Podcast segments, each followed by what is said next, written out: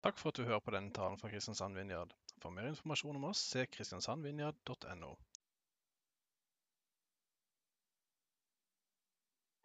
Der.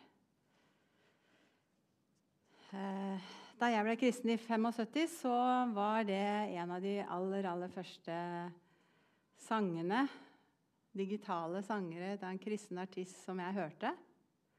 Og det var bare så sterkt at eh, Andrew Croach, som han heter, han, eh, vi hørte da at han, eh, som ikke egentlig var musiker, han hadde bare Jeg tror broren hans var musiker, og han kunne ikke spille piano, men han hadde bedt Gud Gud, hjelp meg til å spille piano. og han bare satte seg ved piano og begynte å spille. Og jeg har ikke sjekka om det stemmer, men det var det vi hørte, og det var det vi trodde på. Gud kunne gjøre alt. Så, og akkurat på samme måte så, så tenker jeg det er i dag. Jesus er svaret på for hele verden, for hvert enkelt menneske. Fremdeles i dag, og vil fortsette å være det helt til han kommer tilbake. Han vil være svaret, han vil være løsningen, han vil være håpet vårt, han vil være livet vårt. Han vil være alt det som vi trenger som mennesker. Eh, fra A til Å. Som er best for oss. For vi kan jo tenke at eh, sjokolade 24-7 det er det best for oss. Men det er ikke sikkert Gud tenker det. Men han har noe som er enda bedre. Som et eksempel. Herre, vi bare takker deg for at du er svaret. For oss akkurat nå, her inne, og for hele verden. Det er ingen som er høyere enn deg, det er ingen som er større enn deg. Ingen. Og takk at du er her nå. Og vi ønsker deg så velkommen. Og Jesus, det hadde vært fint at du gikk rundt omkring så vi kunne se det med øynene. Det ville vi gjerne. Men Helligånd, vi vet at du er her. Du er som Jesus. Så vi sier velkommen, Helligånd. Velkommen. Og du ser hva vi trenger.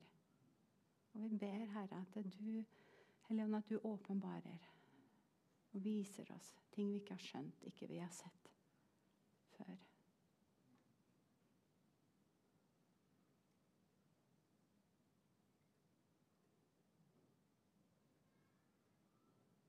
Kom, Helligånd.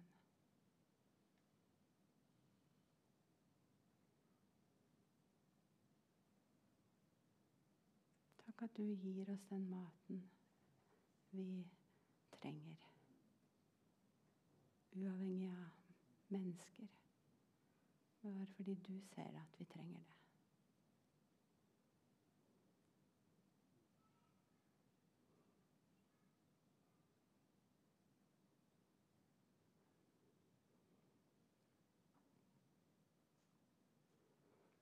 Amen. Bare vær åpen og klar på at Den hellige ånd er her. Og han ønsker å møte deg. Han ser deg. Så kan noen sitte med den følelsen men han ser ikke meg. Jeg er ikke viktig. Jeg er ikke så viktig. Jo, du er så viktig. Han ser ikke meg, kan du tenke. Han ser ikke min situasjon, min helt spesielle situasjon. Han kan ikke fikse det. Jo, han kan fikse det. Han kan oppmuntre deg. Han kan fylle deg.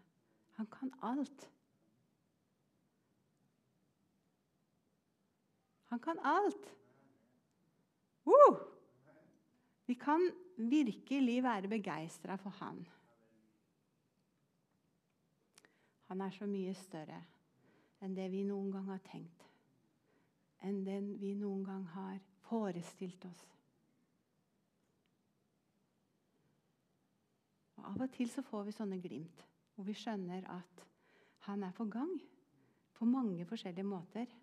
Og hvis du skulle skrive ei lita bok og nevne alle de gangene han hadde kommet til deg og vist deg noe, eller berørt deg, eller møtt deg Så hadde det blitt så mange ganger, og så mange forskjellige ganger, og på forskjellige måter. Så han ser det. Han er her nå.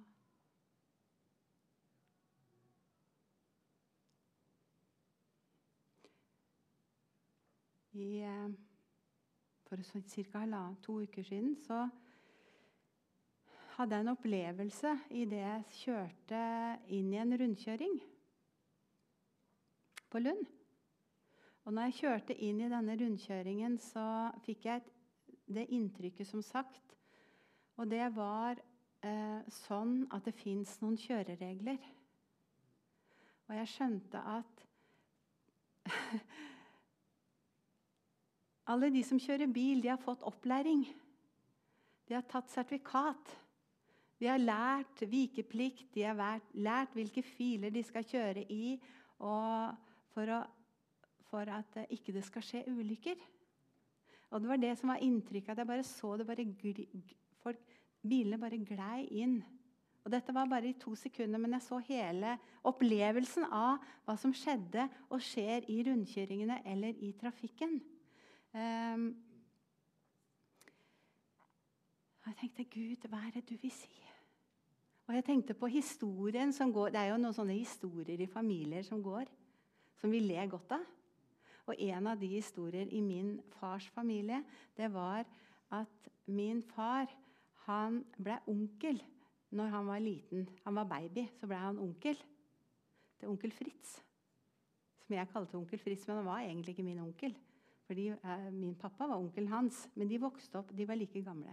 Og så er historien sånn at eh, når onkel Fritz skulle ta sertifikat Og dette her er jo lenge siden nå. Så fikk faren lov å være med. Så han satt, når han skulle kjøre opp, så satt han i baksetet. Og så hadde de gjort en avtale at hvis onkel Fritz kjørte feil, eller gjorde noe feil, så skulle hans far hoste. Og det ble veldig mye hosting på den oppkjøringa. Så Det er en sånn historie som familien må le veldig mye av. Av hvordan det kunne være i kontra hvordan det er i dag. Hvor det er så profesjonelt, og det er 30 000 for å ta et sertifikat. Den gangen så var det kanskje to timer med faren i baksetet som hjalp sønnen til å klare det. Så, men det som jeg liksom har eh, liksom sagt til Gud Gud, hva er, det du sier i dette? Hvorfor fikk jeg dette inntrykket? Hva er det du prøver å si? Eh, og det er jo at Gud han har, han har gitt oss eh, noen kjøreregler. Som, hans, eh, som, som, kristne så har vi noen eh, kjøreregler. og de, de, de ligger, Guds prinsipper de ligger inn i Bibelen. Og Den hellige ånd er den som bringer liv i det. Som hjelper oss til å forstå eh, hva som er ja, hva som er nei. Sånn at ikke vi skal krasje. Sånn at vi vet hva som er godt for oss, og vi vet hva som ikke er godt for oss. At vi, det hjelper oss å ta de, den opplæringen, da. Vi trenger opplæring i Guds ord. I, og hva, hva, er som, hva, er det som, står? Sånn at vi skal unngå disse fellene og krasje, hvis du bruker bildet i den derre kjøre, In, kjø, kjøreopplæringen, eller reglene i, som funker i trafikken. Og det var det jeg tenkte når jeg kjørte inn der, så tenkte jeg du og meg. Det skjer, det skjer, jo ulykker, det jo masse, skjer jo masse ulykker. Men hvis alle hadde satt seg bak bilen og bare kjørt, så hadde det ikke gått så bra. Men alle har fått den samme opplæringen når de kjører i trafikken. Og det gjør at, vi, at ting glir. Og Gud sa sånn er det med meg. Jeg vil trene dere, jeg vil lære dere. Jeg vil vise dere sånn at dere unngår disse fallgruppene, at dere unngår disse ulykkene. Fordi han ønsker det aller, aller beste. Og det er ikke bare godt for oss, men hver og en av dere, alle som tror, de er jo ledere. De skal jo trene andre. Dere skal dele deres erfaringer med andre. Så Derfor så trenger vi å lære, vi trenger å vite og fortelle til andre. Og dere vet dette. Men det var eh,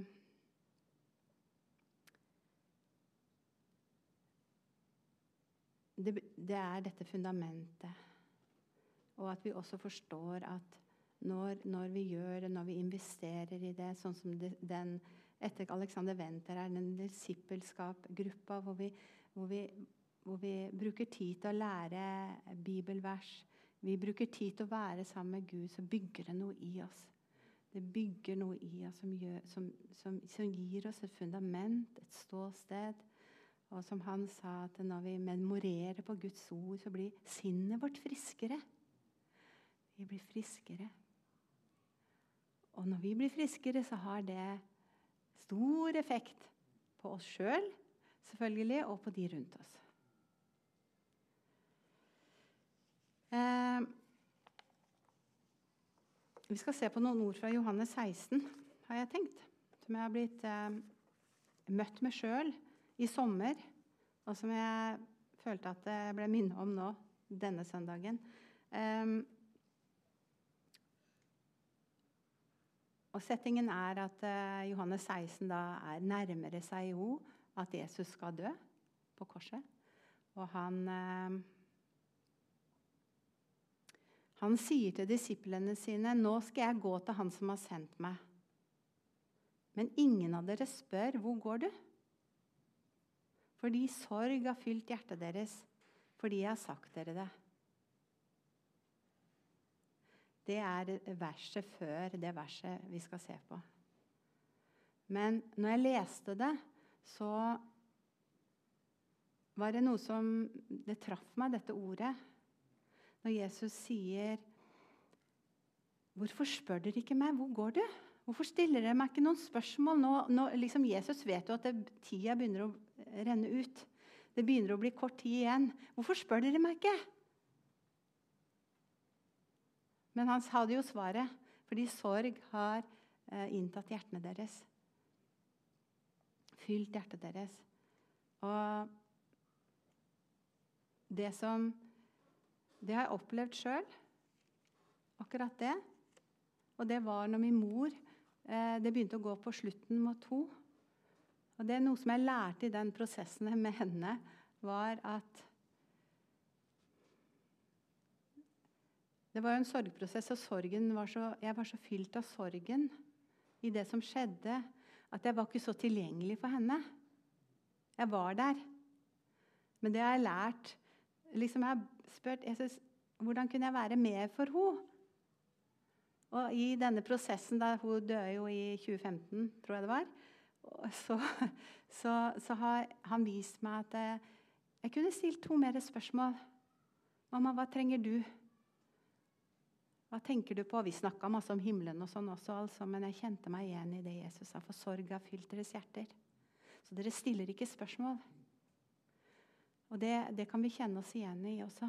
Eh, på en måte litt i at eh, vi kan bli så eh, fylt av våre problemer eller det som, fyll, altså, som er vanskelig, at vi, vi, går ikke inn til han og sier 'Jesus, hva har du for meg? Hva, hva kan du gi meg?' Fordi vi er litt fast. Men jeg kjente meg igjen når han sa det. Dette dere, dere spør meg ikke. Spør meg. Spør meg. Han vil ha spørsmålene våre. Jesus vil ha spørsmåla våre. Og så forklarer da Jesus om eh, talsmannen som skal komme. Og så sier Jesus når han kommer, så han skal, skal gå i rette med verden og vise verden hva synd er. Den hellige ånd altså skal vise verden hva synd er, hva rettferdighet er, og hva dom er. Synden, sier Jesus, er at de ikke tror på meg. Rettferdighet er at jeg går til min far, og dere kan ikke se meg lenger. Og dommen, det er at denne verdens fyrste er dømt.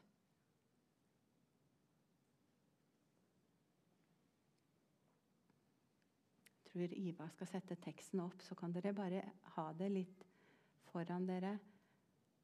Eh.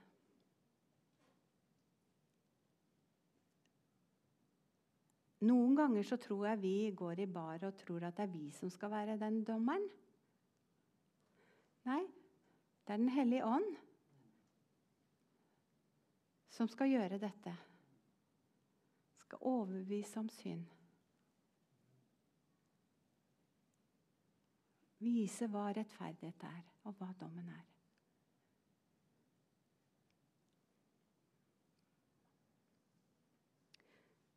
Og Det betyr jo at han vil bruke oss.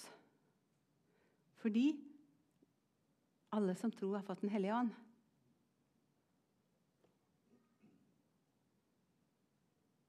Så hvordan skjer det?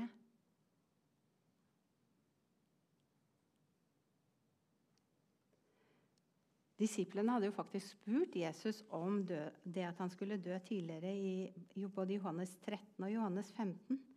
Men de hadde ikke helt forstått hva som ville komme. De hadde ikke reflektert noe over det. Så derfor så var ikke de De var ikke forberedt på det som eh, De var mest opptatt av Ja, men hva med oss? Hva vil skje med, med dem hvis Jesus ble borte?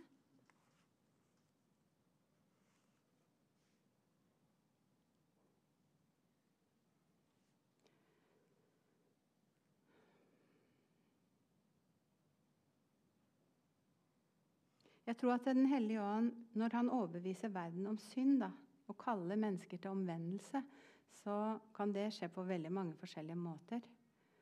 Det.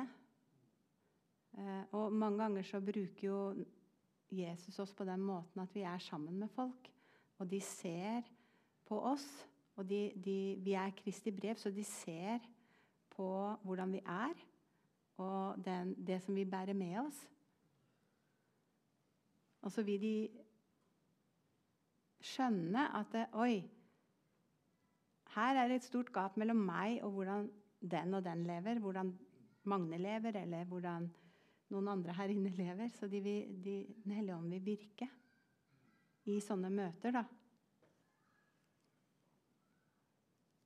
Så Den hellige ånd vil, fordi Jesus ikke er fysisk til stede, så vil Den hellige ånd i oss bruke oss til å forklare hva synd er, hva, hva dette betyr. En som sa at eh, troende er munnstykket for Guds røst.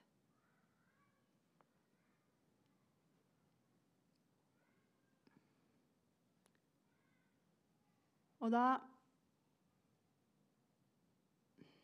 vil jo vitnesbyrdet vårt virke når vi deler våre historier, vi deler hva, hva Jesus har gjort Når du forteller hva Jesus har gjort i ditt liv til en som ikke tror, eller en som er fersk, eller uansett, så vil det gjøre noe med folk. Det kan være motstand, eller det kan, være, det kan bringe fram eh, en lyst til å bli sånn. Det er tiltrekkende. Fordi nærværet i oss virker. Noen blir sinte.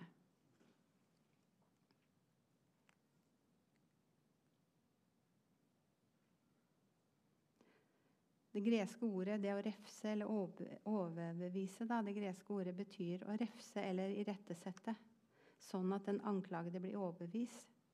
overbevist.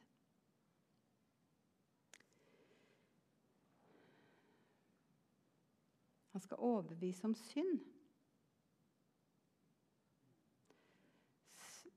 Og synd står i entall. Så, så da vil det ikke først og fremst gjelde Først og fremst så betyr det ikke synder. Sånn enkeltsynder.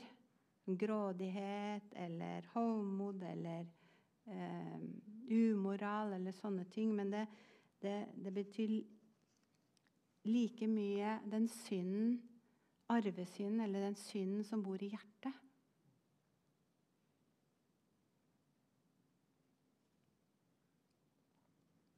Som Paulus snakker om i Romerne. Det at det, Jesus har betalt fullkomment for all synd. Hver bitte liten, skitne synd som bor i oss, som vi har gjort, som vi kommer til å gjøre. Det han betalte han for, og det er Den hellige ånd som overbeviser om i hjertet. Jeg gjorde en ting for Skal vi se, når var det? Ja, 96, tenker jeg. Så gjorde jeg en ting. Og jeg ba Gud om å vise meg min synd. Begynte å be om det. Og det er sånt man gjør noen ganger. Man bare ber litt i vei. Og så tenker man ikke så mye på, på at han har bedt om det, før det begynte å bli veldig sånn Jeg kjente at det begynte å bli svart og mørkt. Og jeg sa til Torbjørn jeg tror jeg må legge oss inn. Altså, jeg, det var bare helt, helt, helt mørkt.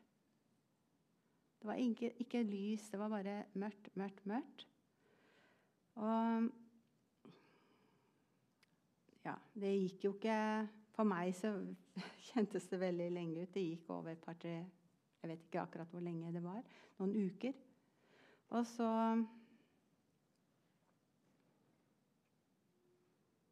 En dag så, så var det akkurat som hadde et, Vi hadde et bilde på veggen, og der sto det Det er fra Johannes 1.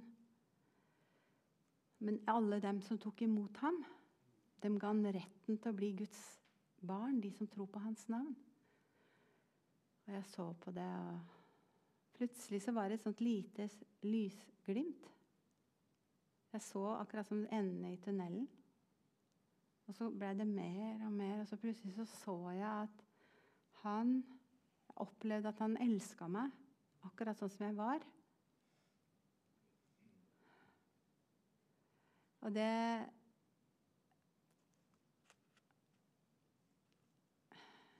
Det endra alt. Det løser ut glede. Jeg, jeg, kan ikke forklare det.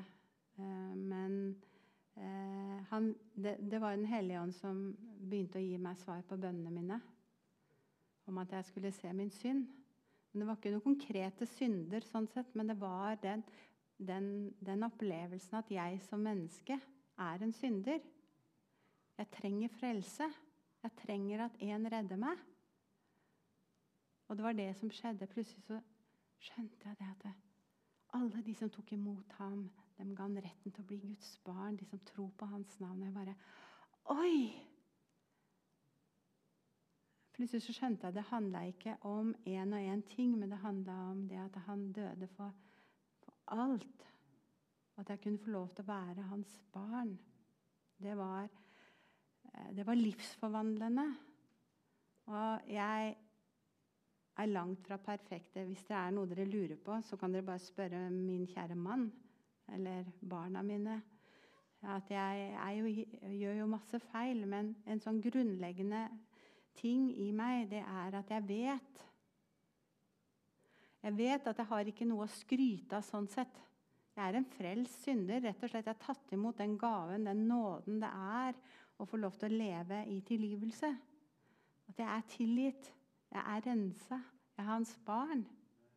Og det, det er den store forskjellen. Og det, det, er jo noe som Den hellige ånd gjør.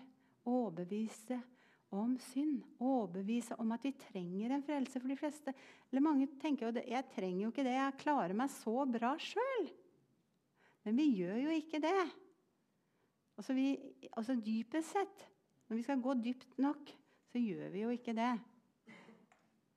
Vi klarer oss ikke uten Han. Vi klarer oss ikke uten Han.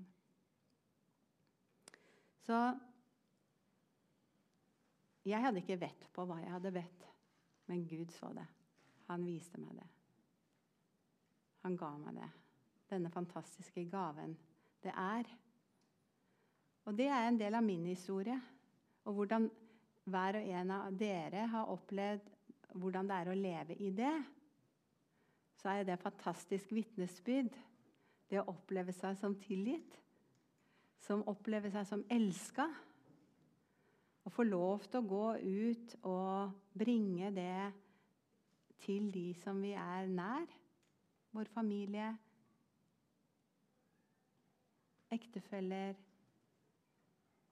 naboer, venner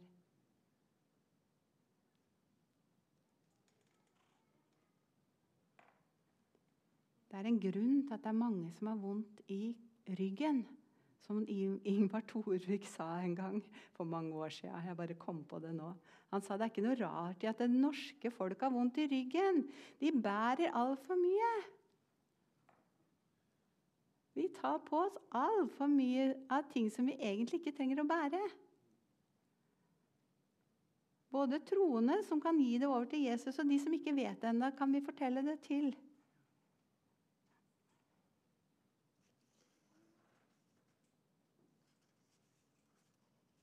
Ikke tenk at det du har opplevd, ikke er stort nok. Ja, men 'Jeg har ikke opplevd så mye som den eller den eller den.' Men du har opplevd akkurat det du har opplevd. Og det du har opplevd, er det ingen som kan ta fra deg.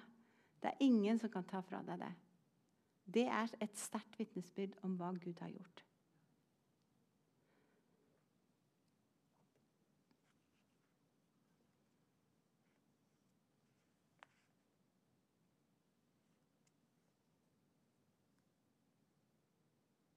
Og Jesus satte alt i rett stand når han døde på korset og sto opp igjen.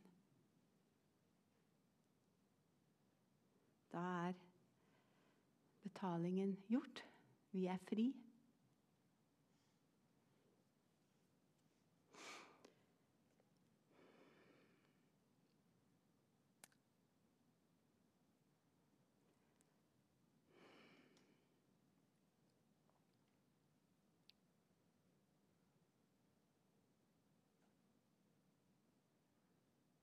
Jeg tenker noen ganger hvorfor, hvorfor sier jeg dette, dette dere, hvor, Eller ikke noen ganger. Nå tenker jeg hvorfor sier jeg dette? Hvorfor er dette viktig? Så sitter kanskje alle her inne og vet om dette og lever i dette.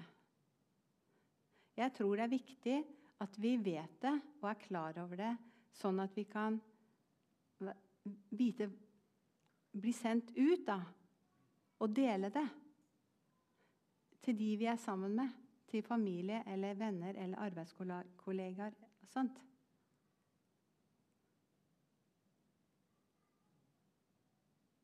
Hvis vi tenker at det er vi som skal gjøre det liksom, åh, jeg blir så sliten. Det er så mye vi må gjøre. Men det er ikke vi som skal gjøre det. Det er Den hellige ånds oppgave å vise hva synd er, rettferdighet og dom. Synden er at de ikke tror. Ok, fortell noen Jesus-historie. Fortell hva han har gjort i ditt liv. Sånn at noen kan begynne å bli obs på at Gud fins. Det er mange som aldri er borti det.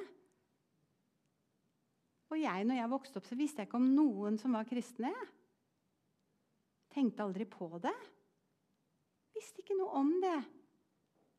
Og Derfor, når han møtte meg, når Jesus møtte meg, så Liksom, hvorfor er det ingen som har fortalt meg at han lever? Jeg trodde det var som å samle på frimerker. Men han er en levende Gud. Og så er Den hellige ånd i deg som virker til å dele ut dette gullet, da. Dette dette lyset, dette nærværet. Eller Og jeg tror at det, det, hjelper å snakke om det. Jeg tror at det hjelper å be om det. Og si, 'Jesus, la meg, la meg være en, et vitne for deg. Vis meg. Gjør ting i mitt liv sånn at det, jeg kan bety noe for et annet menneske, sånn at et annet menneske får møte deg. Få se deg. Og jeg vet det med familiemedlemmer i vår familie. Så, så, det at vi delte eh, hva, hva, Gud gjorde i livet vårt, gjorde at f.eks. min mor hun fikk en sånn veldig veldig lengsel etter å bli kjent med Jesus. Vi visste ikke det, vi håpa det, men vi bare fortalte hva han gjorde i vårt liv. Så, så begynte det å eh, bli en sånn brann i henne.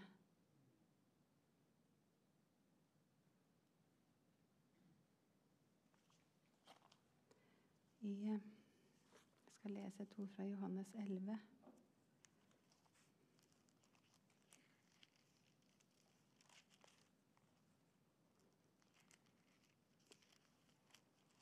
Så det å søke Jesus gjennom ordet og invitere Den hellige ånd så mye som mulig og be om at han kommer med sin fylde, be om at han kommer med sin åpenbaring og viser oss eh, hemmeligheter som, som, ikke vi visste før. Sånn vi får åpenbaringer i eh, hva han ønsker å bruke deg til.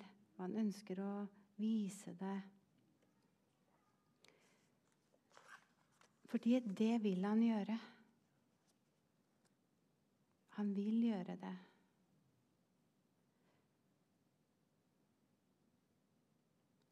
Johannes 11, 25, så sier Jesus til Martha jeg er oppstandelsen og livet. Den som tror på meg, skal leve om han enn dør.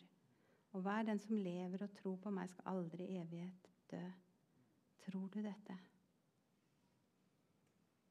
Tror du dette? Og det var den, det, der, det, det lille, de tre orda der som jeg, som jeg, kjente at Jesus sa. Tror du dette? Tror du dette at, jeg, at, at uh, han kaller deg til å, til å være et vitne. Ja, men søk inn der. Hva kaller han deg til? Hva sier han til deg akkurat nå?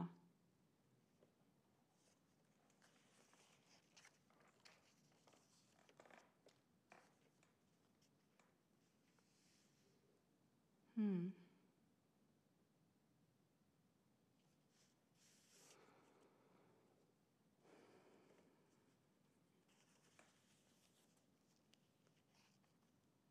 Hellige Ånd, jeg ber om at du kommer. Kom med ditt nærvær.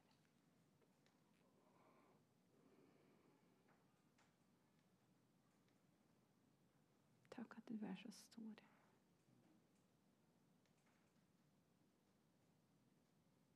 Takk at du tar våre byrder. Takk at du tilgir våre synder. Renser oss.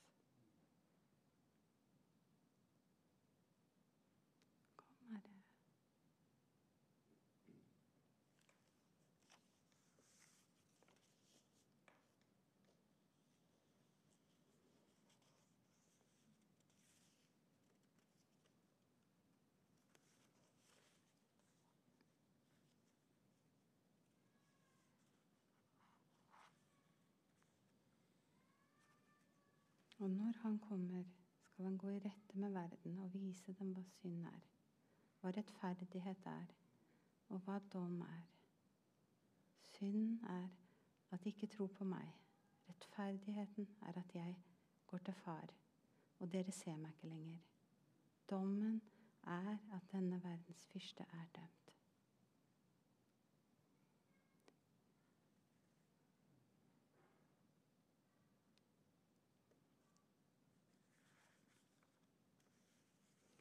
Det gir oss stor frimodighet når vi ber.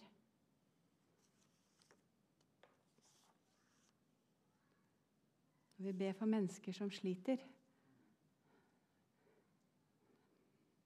eller er syke, så kan vi gjøre det Jesus sa.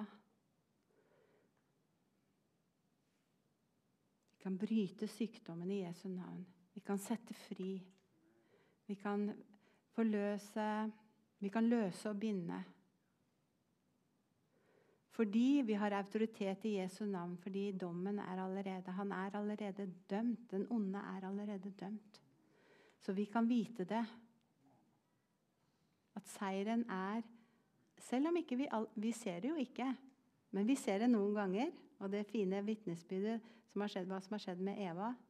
Og flere av dere også har opplevd at, at Gud har kommet nær. Han har gjort noe. Han har reist deg opp. Han har gitt deg et nytt liv. Men han er mer. Han er mer. Så har vi denne coachen, Den hellige ånd, som er med. Som bor her inne. Alle som tror. Veileder oss, fyller oss, gir oss kraft, gir oss kunnskapsord, åpenbaring, til å være denne kanalen til å, til, til, til å velsigne andre. Til å gi andre dette fantastiske livet som du har fått. Og Jesus, vi bare takker deg for at du, du har gitt oss denne gaven. Herre, så mye Som jeg, jeg sa det til Jesus. Jesus, vi vil jo gjerne at du skal være her. Vi vil jo gjerne se deg. Men vi kan kjenne det alle sammen. Alle sammen som vil, kan vi kjenne Den hellige ånd. Hellige ånd, vil du komme?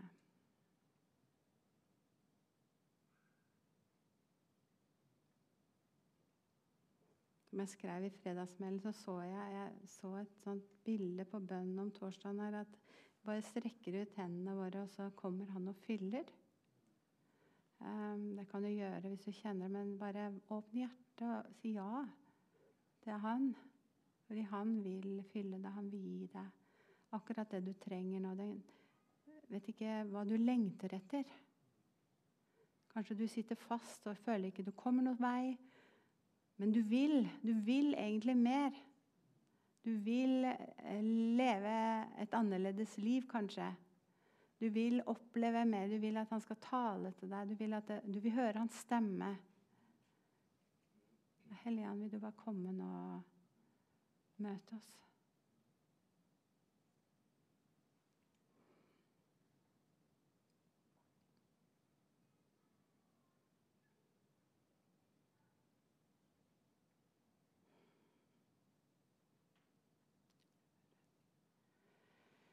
Kom, Herre.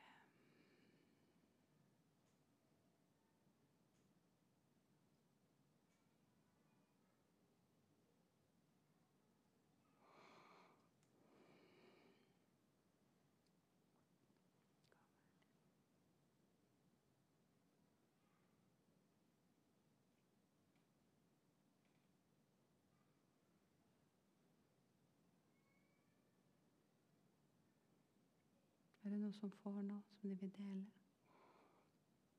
Eller opplever noe? Nå skal vi bare be for hverandre også.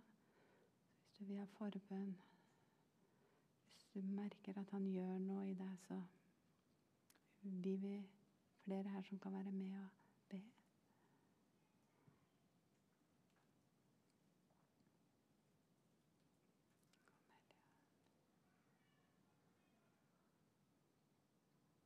Herre, vi ber om en ny vind. Kom, Helligånd. Ny vind. Ny vind.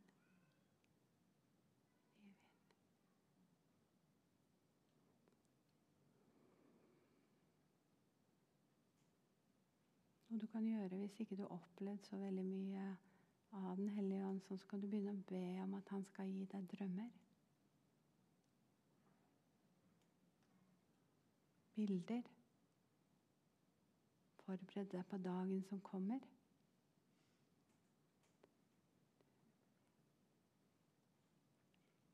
Han har så mye. Kom, Hellige Kom med ditt nærvær.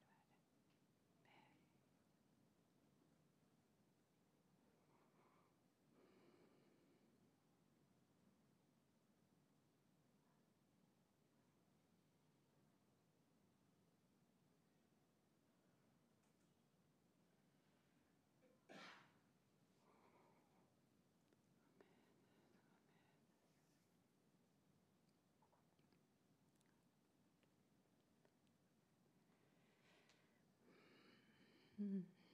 Du kan jo kanskje bare sette opp litt på litt musikk. Nei, skulle du si noe? Ja. Kan du gi lyd på Ja. Jeg opplever at Gud sier at en person som har vondt i høyre skulder, starter her, og så går det liksom bak bak i ryggen på høyre side. Så hvis du vil rekke opp hånda eller komme fram, så vil vi gjerne be for det. Mm.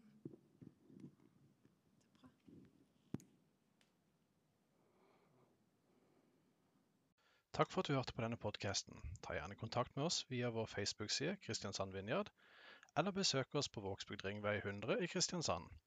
For mer informasjon om hva vi gjør og hvordan du kan bli involvert, gå inn på kristiansandvinjard.no.